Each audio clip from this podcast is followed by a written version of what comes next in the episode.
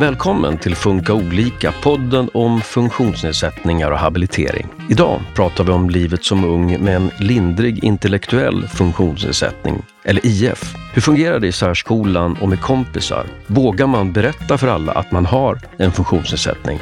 Ja, men jag skäms ibland över att jag har ja, men svårigheter som jag inte kan hjälpa. Man ska lära sig så mycket om sin funktionsnedsättning så man vet hur man själv fungerar. Om jag ska hem, hur åker jag hem då? Hur åkte jag liksom på morgonen eller förmiddagen? Tänkte jag bara backa bandet i huvudet. Gäster är en expert och två ungdomar som båda lever med lindrig IF. Så välkommen till andra avsnittet på temat Livet med IF. Hej och välkomna hit Filippa. Tackar. Du är 16 år och eh, bredvid dig så sitter Mira. Hej. Du är 18 år och eh, så har vi också eh, Sofia Bäckström, konsulent på Ung samtalsgrupper. Ja, hej. Och jag heter Susanne Smedberg. Jag kan också säga att i det här programmet så kommer jag oftast använda förkortningen IF istället för att säga intellektuell funktionsnedsättning. Jag vet inte, vad brukar ni säga? IF. IF. Mm, IF. Ja, då använder vi alla samma begrepp. Ja. Och eh, det här programmet handlar ju om lindrig intellektuell funktionsnedsättning. Så nu skickar jag över till dig Sofia. Vad innebär det? Lindrig IF? Ja, det innebär ju att man har lite, att alltså, det tar längre tid att lära sig saker. Att man behöver lite längre tid på sig. Till exempel kan det vara svårt med minnet. Om man till exempel har läst en bok eller, eller typ en sida i en bok så kan det vara svårt att minnas precis vad man har läst. Att man behöver ta lite pauser och så. Sen kan det vara lite svårt med, ah, men med pengar och matte. Ja, med peng, lite uppfattning om pengar faktiskt. Om hur mycket pengar man behöver till vissa saker och hur mycket pengar man behöver för att det ska räcka en hel månad och så. Sen brukar man säga att det är svårt att, jag menar, att hitta till nya platser. Det är något vi pratar ganska mycket om. Det är lite, lite kort om vad man kan ha svårt med om man har lindrig IF. Är det här något som eh, ni känner igen er i? Stämmer. Ja. Har eh, du, eh, Mira, något sätt som du hanterar det här på? Titta Ja. till olika platser till exempel. Ja, jag brukar använda mig av SL-appen. Eh, för den visar liksom hur man ska åka. Och, ja, det är väl ett tips jag har. Och sen att, eh, ja, men att jag vill ha en tydligare beskrivning på hur jag ska ta mig till det stället. För då är, blir det lättare för mig att åka dit. Ber du om det då eller hur? eh, Ja, jag brukar be om det. Jag vet ju att du har ett jättebra knep där som du berättade till mig. Kommer minns du det? Ja, att jag brukar om jag åka innan och ta bilder på skyltarna så att jag vet sen dagen efter hur jag ska åka. För då tittar jag på skyltarna som jag har tagit foto av. Du då Filippa? För mig är det liksom, alltså om jag ska typ åka till skolan, alltså en ny skola och sånt där, en ny grej. Brukar jag oftast åka dit samma dag som jag börjar. Och sen så tänker jag efter, hur, om jag ska hem, hur åker jag hem då? Hur åkte jag liksom på morgonen eller förmiddagen? Tänkte jag bara backa bandet i huvudet och tänkte jag, så åker jag typ med bussen, tunnelbana, går, vägen. Eller så typ om jag är tveksam så brukar jag oftast fråga typ SL-personalen. Är det vanligt att man har olika sådana strategier? Ja, det är väl jätte, jättevanligt. Och det är det som är så bra, alltså att man får tipsa varandra. Och, och idag tänker jag främst om man har telefon. Alltså att man kan kolla på en karta och man kan skriva anteckningar och sådär. Om vi backar tillbaka då lite till och pratar mer om lindrig IF. Eh, hur, kan man säga liksom någon eh, skillnad mellan, ja det finns ju olika nivåer av eh, IF. Ja, det finns ju fyra olika nivåer. Eh, och i, idag ska vi fokusera lite grann på, mer på lindrig vad jag förstår. Ja, kom, i den här serien så finns det också ett faktaavsnitt om eh, lindrig intellektuell funktionsnedsättning och då kommer vi gå in lite mer på de olika. Av eh, de ungdomar som du träffar, vilken eh, grupp är det? Eller vilka ungdomar kommer till dig? De flesta som går på Ung samtalsgrupper, vilket är där jag jobbar, har lindrig IF. Det är liksom vår största målgrupp. Nu har vi pratat lite om eh, olika svårigheter. Hur är din upplevelse? Är det många som har liksom stora svårigheter på grund av sin eh, funktionsnedsättning? Alltså, folk, alltså alla är ju väldigt olika. Man är bra på olika saker och man har svårt för olika saker. Det beror lite på hur man har, ja, men hur man funkar som person. Eh, så där skulle jag säga att det är väldigt olika. Men jag tänker just det här med liksom minnet och hitta till nya platser. Och alltså, lära sig att läsa och skriva är ju också en sak som, som, är, som tar längre tid helt enkelt. Och som man kan ha lite problem med ja, men typ hela livet. Som man liksom får öva på och man, man får, man får liksom ta mer tid för sig själv för att det ska gå bra helt enkelt. Mira och Filippa, jag vet inte vem av er som vill börja. Tycker ni att det är viktigt att prata om funktionsnedsättningen? Alltså det är väldigt viktigt, liksom, ifall man typ träffar på en, någon på stan som typ behöver hjälp, och liksom, då kan man typ säga att det här är tyvärr lite för svårt för mig liksom, att svara på för att jag har lite svårigheter med typ med det som personen frågar eller sånt där. För jag liksom berättade för mina vänner och sen familjemedlemmar att eh, jag har en svårighet och de sa vi hjälper dig med det som behövs och sånt där. Det får ta liksom den tid det behöver.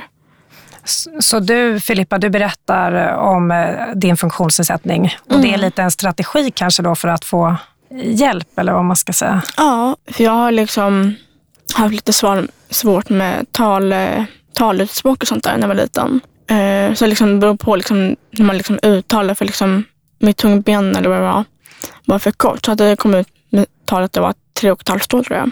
Så att jag har lite svårare med liksom, ord och liksom, stava och sånt där. Du då Mira, brukar du berätta eh, om din funktionsnedsättning och tycker du att det är viktigt att prata om det?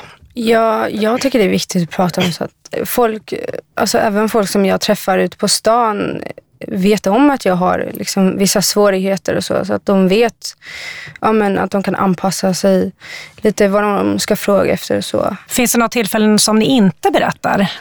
Mm. Oh, det är en bra fråga. Det jag tänker det är liksom, man hade ju liksom yngre vänner eller typ sin ålder fast man har typ inte lika mycket kontakt med personerna som jag har nu för tiden de har jag kanske berättat för några, men inte alla. För, liksom, för de säger liksom lite grövre ord som liksom CP och handikappad och sånt där. Och liksom, de, då blir man liksom nedtryckt av de orden. Och du då, Mira? Finns det tillfällen som du inte berättar, som du väljer att inte berätta? Ja, det är för att ja, men jag skäms ibland över att jag har ja, svårigheter som jag inte kan hjälpa. Så, utan de, de personerna som känner mig brukar alltså vet oftast om att jag har IF. Är det där en vanlig känsla för ungdomarna att man är lite selektiv med att berätta och att det finns eh, det är en jätte, jättevanlig. Mm. Det är ju alltså supervanligt att man inte vill berätta om sin funktionsnedsättning. Och främst för nya personer, att det är liksom inte det första man säger. Och när man har lärt känna någon, då säger man det i sådana fall senare. Men främst det ni säger där, det, det hör ju vi alltså, i alla våra grupper som vi har, att det, men att det är jobbigt att säga att man har IF, för att man skäms. Mm. Och det är ju någonting vi, vi tycker är jätteviktigt att prata om IF då, just för att vi vill få bort det. Vi vill inte att det ska vara jobbigt och man ska absolut inte skämmas för att ha det.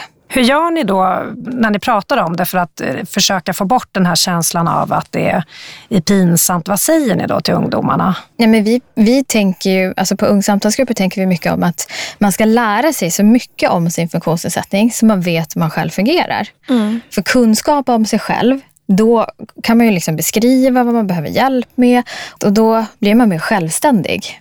Och jag tänker främst inför alltså vuxenblivande, när man ska flytta hemifrån och liksom hela livet, så behöver man lära sig allt om sig själv. Och det är ju dels om sin funktionsnedsättning, men det är ju massa andra saker också som vi pratar om på UNG. Kan du säga att det har blivit eh, lättare över år? Ja, alltså en, en sak som vi märker på, alltså på mitt jobb eh, och som jag tänker att ni säkert, eh, ni får se, säga om ni håller med mig. Men det är ju med tanke på det här att vi säger IF idag, intellektuell funktionsnedsättning istället för att säga utvecklingsstörning. Det är ju ett sätt som gör att det vi märker och på de ungdomarna vi träffar att det är mycket, mycket lättare att prata om det. För det här med störning, mm. det är liksom ingenting, man vill inte säga det. Man vill inte ta det i sin mun. Utan IF är ju liksom ett mycket, mycket bättre ord. Kommer vi in på skola här då, eh, Sofia. Särskola. Många med IF går ju särskola och eh, vill du berätta lite, vad är det för någonting? Vad innebär särskola? Ja, särskola är ju ja, en specialform av skola eh, som man har rätt till att läsa på om man har IF. Eh, man har rätt till att söka om man vill gå i särskola. Det är ju det är frivilligt att gå i särskola. Eh, man har i alla fall rätt till att läsa på särskola. Eh, och särskola är det ju både grundsärskola och sen så är det gymnasiesärskola. Och läser man gymnasiesärskola då läser man ett år extra. Det vill säga att man läser i fyra år. Och det som är liksom tanken med särskola det är ju att man ska få längre tid på sig och ja, men till alla ämnen och till alla uppgifter. Och det är ofta fler lärare och mindre klasser. Vad krävs för att gå där? Du sa att det är frivilligt, men vad, krä- vad är kriterierna för att få gå där? Nej, men det är att man har IF. Och eh, ni två, eh, om jag börjar med dig då, Mira, går du i särskola eller annan skola? Jag går i särskola. Jag går också särskola. Vad tycker ni om det då? Jag tycker det är bra för att man får den hjälp man behöver. Och vi får inga läxor heller så det är också bra. Lärarna tycker att vi gör så pass mycket på lektionerna och lär oss det som vi behöver. Så att, ja, de tycker att eh, på vår fritid ska vi vara ledig. Jag går också i särskola. Um, ehm, det har jag gjort sedan i fyran. Och liksom, det är en stor skillnad mellan särskolan och grundskolan när jag gick i det. Liksom, det är mer läxor och eh, stökigt i de stora klasserna har jag märkt när jag gick i trean. Då. Fick ingen lugn och ro och sånt. Men jämfört med de åren jag gick då och jämfört med nu då, så är det stor skillnad. Du då Mira, har du gått eh, särskola hela tiden? Nej, jag har gått i grundskolan eh, i några år. Men ja, man märker ju skillnader också. att Grundskolan så fick man ju mer läxor och prov och ja, det var stökigt i klassen och så. Men nu när jag går i särskola så känns det mycket bättre. Det är lugnare på lektionerna och ja, man hinner med mycket. Det här med att särskolan ligger tillsammans med en annan skola, är det bra, dåligt? Har ni tänkt något på det? Ja, lite grann. Alltså, man tänker ju ibland att folk kanske tycker, ja men gud hon är lite dum i huvudet. Så ja, det är både bra och dåligt.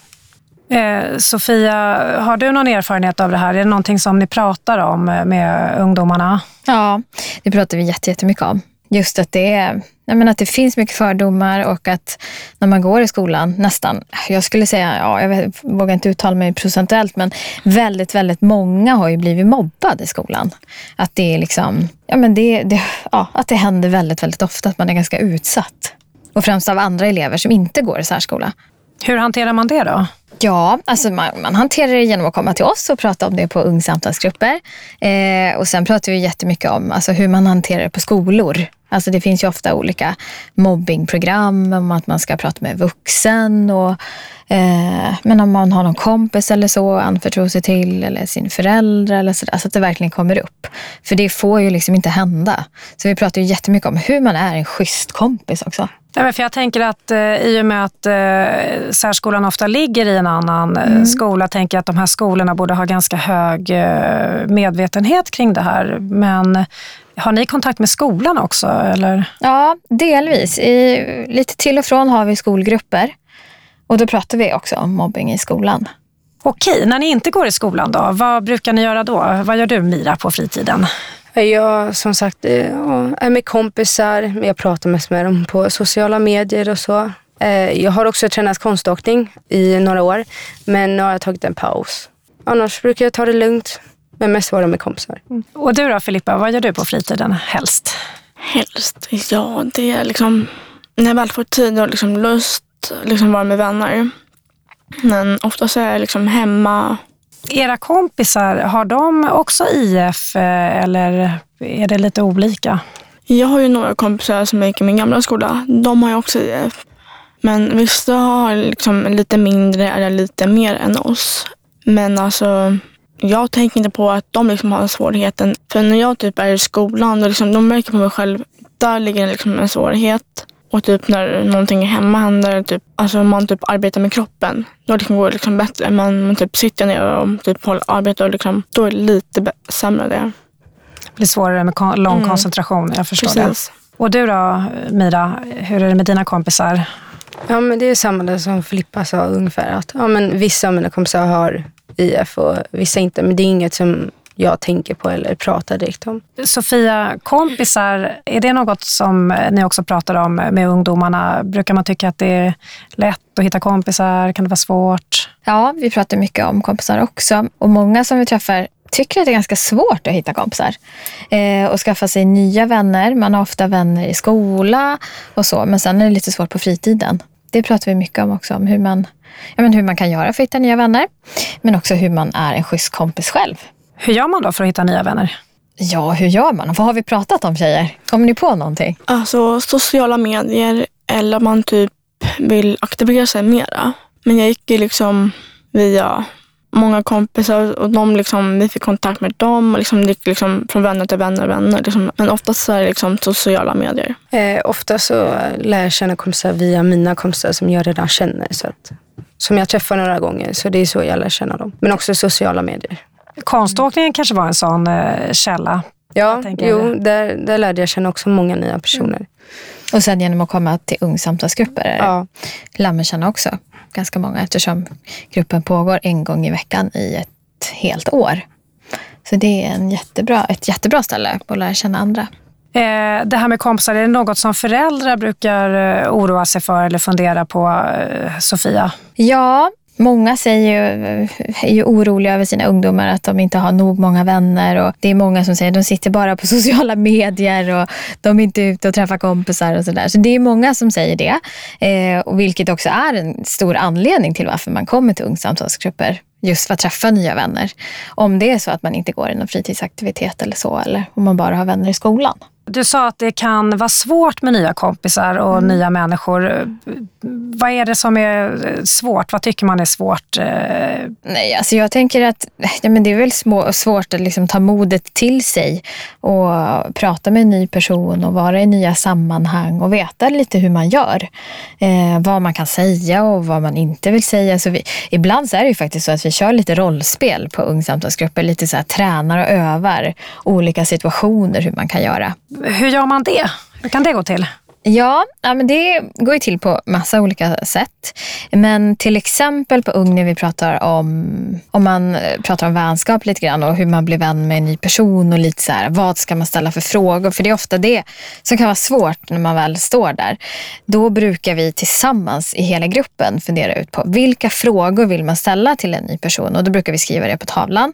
Och så ibland så frågar, brukar vi också fråga vilka frågor ska man inte ställa till en ny person. Så att man bara får lite koll på och lite öva och sådär. Sen är det andra sätt vi också rollspelar på. Det är ju lite mer live-rollspel. Och då handlar det mest om kanske om man eh, har bråkat med en kompis. För det är ju mycket, det är ju alltid saker och ting som händer i relationer med kompisar och helst på sociala medier att det kan bli missförstånd. Så då brukar vi vi ledare framförallt rollspelar, Ibland så frågar vi om någon ungdom vill vara med. Och då live-skickar vi sms till varandra och då får gruppen vara med och svara på smsen. Eh, hur man liksom ber om ursäkt, vad ska man skriva då? Och hur blir man sams igen? Och, och så skriver vi liksom sms till varandra i gruppen. Jag tog faktiskt coaching av en kompis kring ett sånt sms idag, men det hör inte hit. Eh, men det här med, du sa att man får, eh, ni jobbar med vad får man säga och vad får man inte säga. Kan du ge något exempel på vad man får säga och vad man inte får säga? Ja, alltså det är nog mest inledande. Att det är där man, alltså man behöver lite mod. Liksom så här. Och då ibland så kommer man inte på vad man ska säga. Och då kan det vara när man träffar en ny person. Nu får ni hjälpa mig tjejer här. Men jag tänker att det kan ju vara så här fråga. Hej, vad gillar du att göra på fritiden? Vad, vilken skola går du i? Mm, eller kanske hur gammal någon är? Eller är det något mer vi brukar skriva? Mm, jag tror att det är typ det oftast vi brukar fråga. Typ, alltså hur det är, vilken skola man går, vilken årskurs, Mm. hur det är hemma. Om man liksom, fast man, liksom, man behöver inte liksom svara på det. Man kan säga stopp. Ja, precis. Eh, Och det här som man inte ska säga då, eh, vad kan det vara? Det kan ju vara, alltså, nu tänker vi precis om det är en ny person vi träffar som vi inte känner sedan innan. Det är de här, som är, de här väldigt privata frågorna som kan vara liksom att hur man har det hemma. Kommer ni på något som ni inte skulle fråga, som ni vågar säga nu? Ja, kanske hur man har det i skolan. Det skulle inte jag fråga. Nej. Det kan vara känsligt. Ja. Ja, Saker som kan vara känsliga triggers helt enkelt. ja precis. Undvika dem liksom. Mm. Det här med föräldrar då, eh, har ni mycket kontakt med föräldrar, Sofia? Vi har inte jättemycket kontakt med föräldrar i dagsläget, men det kan nog komma att ändras. Men lite i startskedet, när ungdomar kommer till oss, då har man ofta en förälder med sig. Vad eh, tänker föräldrarna? Är det något speciellt som föräldern vill ha hjälp av- av er med? Nej, alltså det de tänker, det är, ju, det är lite det jag sa. Eh, främst att man, man vill sin ungdom eh, allt det bästa. Och då handlar det mycket om att prata om just de ämnena som vi pratar om på ungsamtalsgrupper. Och det är ju mycket att prata om kanske om känslor, om prata om sex, prata om framtiden, vänskap och IF och relationer. Om sådana saker som man kanske inte vill göra med sina föräldrar när man börjar liksom komma upp i eh, äldre tonåren. Utan att det vill man liksom göra med andra lite jämnåriga och så. Så det är mycket det våra föräldrar säger till oss. Att de behöver någon att prata med som inte är, är jag hela tiden. Jag har ju då en, en tanke att det kan vara så att de här föräldrarna till eh, ungdomar med IF kanske oroar sig lite mer. Eh, men det kanske inte alls stämmer. Det kan nog stämma. Det är inte jättemycket vi märker av så, men eh, det som man märker på de ungdomar vi träffar, vi pratar ju en del om föräldrar och vi pratar en del om att vad tjatar föräldrar om? Det brukar nästan vara ett tema hos oss. Det kan vara ganska skönt för ungdomar att få tala av sig där. Och då är det mycket att föräldrar är på om och de hör av sig vart de är någonstans och kommer du i tid? Har du glömt det här? Nej, men att de har eh, verkligen extra koll, lite, lite övervakande nästan ibland. Tycker du att det här stämmer, eh, Mira? Ja, jo det stämmer. Ja. Min mamma brukar tjata ganska mycket om ja, men, sysslorna hemma. Att ja, men, eh, städa mitt rum, plocka ur diskmaskinen, gå ut med soporna och laga mat. Så det stämmer, det Sofia säger. Men det här med oro då? Tycker ni att eh, föräldrar, era föräldrar oroar onödigt mycket för er? Vad tänker du Mira om det? Min mamma är ju lite orolig för mig, men alltså inte jätteorolig tror jag. Men jag tror inte att hon oroar sig så mycket över hur, hur det ska gå för mig. Hon är mest glad över att det går ganska bra för mig. Jag är ganska mycket självständig, hjälper till jättemycket. Och... Du då Filippa? De oroar sig. Mamma, både jag och nej och pappa lite mer än mamma. Mm. Eh, Sofia, du var ju inne på olika ämnen på UNG eh, som ni pratade om. Eh, kärlek, relationer, vi har ju berört lite grann här, men är det något ämne som ni brukar ta upp eh, eh, som både föräldrarna och ungdomarna tycker är viktiga? Sånt som kanske är lite svårare att prata om just hemma vid? Alltså inte kanske något specifikt ämne, tänker jag.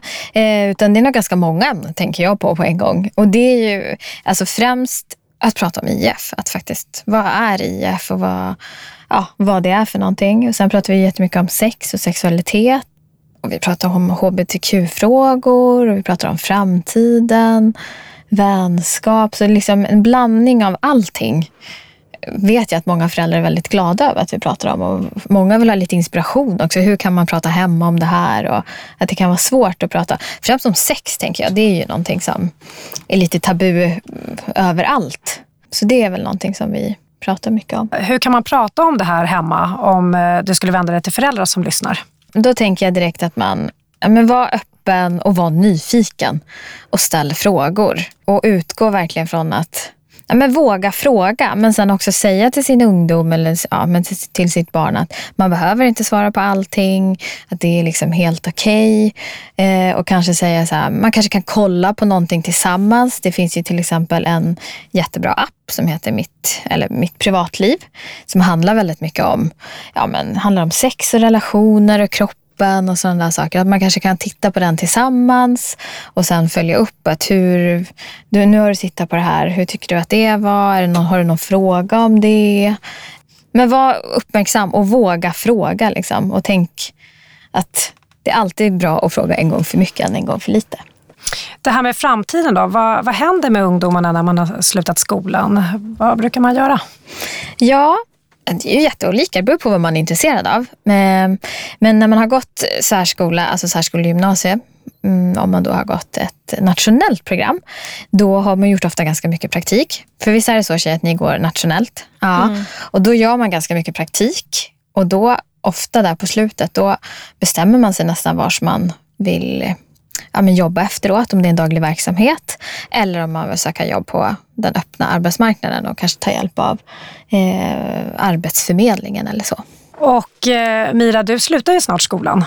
Ja. Vad tänker du om det då? Ska det bli roligt? Ja, det ska bli kul, men också tråkigt för man kommer ju sakna alla klasskompisar och lärare och så. Men jag tänker, om när jag slutar skolan, att jag ska skaffa jobb eh, ja, men ska um, ha en pojkvän, bilda familj, ha barn. Det är väl det jag tänker på mest efter skolan. Och ta körkort. Du då Filippa, vad tänker jag du om? Jag tänker faktiskt samma sak. Liksom bilda familj, skaffa kille och typ kanske ha någon litet husdjur, en liten katt eller en liten kanin. Era föräldrar, vad tänker de om att eh, du nu, Mira, slutar skolan? Ja, mamma tycker väl att det är spännande och så, men hon är ju ändå lite orolig för hur det ska gå.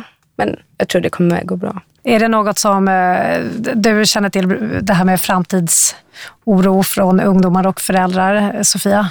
Ja, alltså det är många som tycker det är jättespännande och jättekul. Eh, och många tycker också att det kan vara lite jobbigt också, för man har ju ändå gått i skolan länge och man har sina fasta rutiner och där har man alla sina kompisar och sådär. Och sen hips vips så tar skolan slut och så står man där och helt plötsligt då är man vuxen och har massa ansvar och man får ha massa val. Så det kan vara lite svårt att veta lite grann de här valen. Vad vill man göra? Vad vill man jobba med? Och hur gör man? Och då är det ju jättebra om man kan få hjälp av, ja, men av sina föräldrar eller, eller andra personer. Är det så det brukar gå till, att man får hjälp av sina föräldrar eh, Ja, ofta är det så. Eh, och sen hjälper skolan till också, helst med praktiker och tittar liksom vidare där sista året vad man vill göra efteråt. Men annars är det ju Arbetsförmedlingen om vi tänker rent jobbmässigt eller daglig verksamhet. Sofia, innan vi avslutar här, hur gör man om man vill komma i kontakt med Ung? Ja, då antingen ringer man till oss på Ung samtalsgrupper, eh, för vi är ju en del av habiliteringen och ja, antingen så tittar man på vår hemsida, på habiliteringens hemsida, eller så pratar man om man går på en lokal HC och har kontakt med någon. kan man säga till där och så hör de av sig. Men det är ofta bara att ringa till oss och så får man komma på en liten förträff och då vi berättar mer om ung. Och sen så får man ställa sig i kö. Och ibland så går det snabbt att komma in i en grupp. Och ibland tar det lite längre tid. Det kan ibland ta faktiskt upp till ett år att få börja på ung. Men det är också för att vi har så pass långa grupper. Vi träffas ju en gång i veckan under ett helt år för ungdomsgrupperna. Och åldersgränsen för att få gå på ung är 15 år och äldre. Så just nu har vi faktiskt höjt vår åldersgräns. Så att man får liksom vara, ja, man kan vara 70 år och gå på ung. Det gör ingenting. Så nu har vi gjort det och det är vi jätte, jätteglada för. Kommer ni fortsätta heta Ung? Även när Nej, man är... det kommer vi inte. För det passar ju inte in nu när vi har bytt åldersgräns. Att vi inte bara har ungdomar. Så att jag tänker att vi, vi kommer nog byta namn. Vi hoppas på att kunna göra det kanske vid årsskiftet. Och då vill vi nog heta någonting liknande IF-grupper. Så att det är liksom tydligt att de som går på Ung och de som ska gå på Ung är personer som har IF. För det är liksom grundfokusen. Ni då som har gått på Ung, skulle ni rekommendera andra att gå på Ung, Filippa? Ja, jag skulle verkligen rekommendera det. För liksom, man pratar liksom ut om skolan, mobbning, liksom hur det är hemma. Liksom, ja, liksom, det blir liksom bättre hemma. Och du då Mira? Jag skulle också rekommendera det till andra ungdomar för att, ja, men, som Filippa sa, att man pratar ut om livet och man får lära känna nya kompisar och man kan prata om det mesta. Väldigt bra avslutande ord tycker jag. Eh, tack Mira, Filippa och Sofia Bäckström, konsulent på Ung, för att ni kom hit idag och tack ni som har lyssnat. Tack, tack. Tack. Tack. Du har lyssnat på Funka olika från habilitering och hälsa inom Stockholms läns landsting. I nästa avsnitt har vi kommit fram till vuxenlivet och vi träffar Jeffrey Ige som har IF, samtidigt som han är en av världens bästa kulstötare. Missa inte det!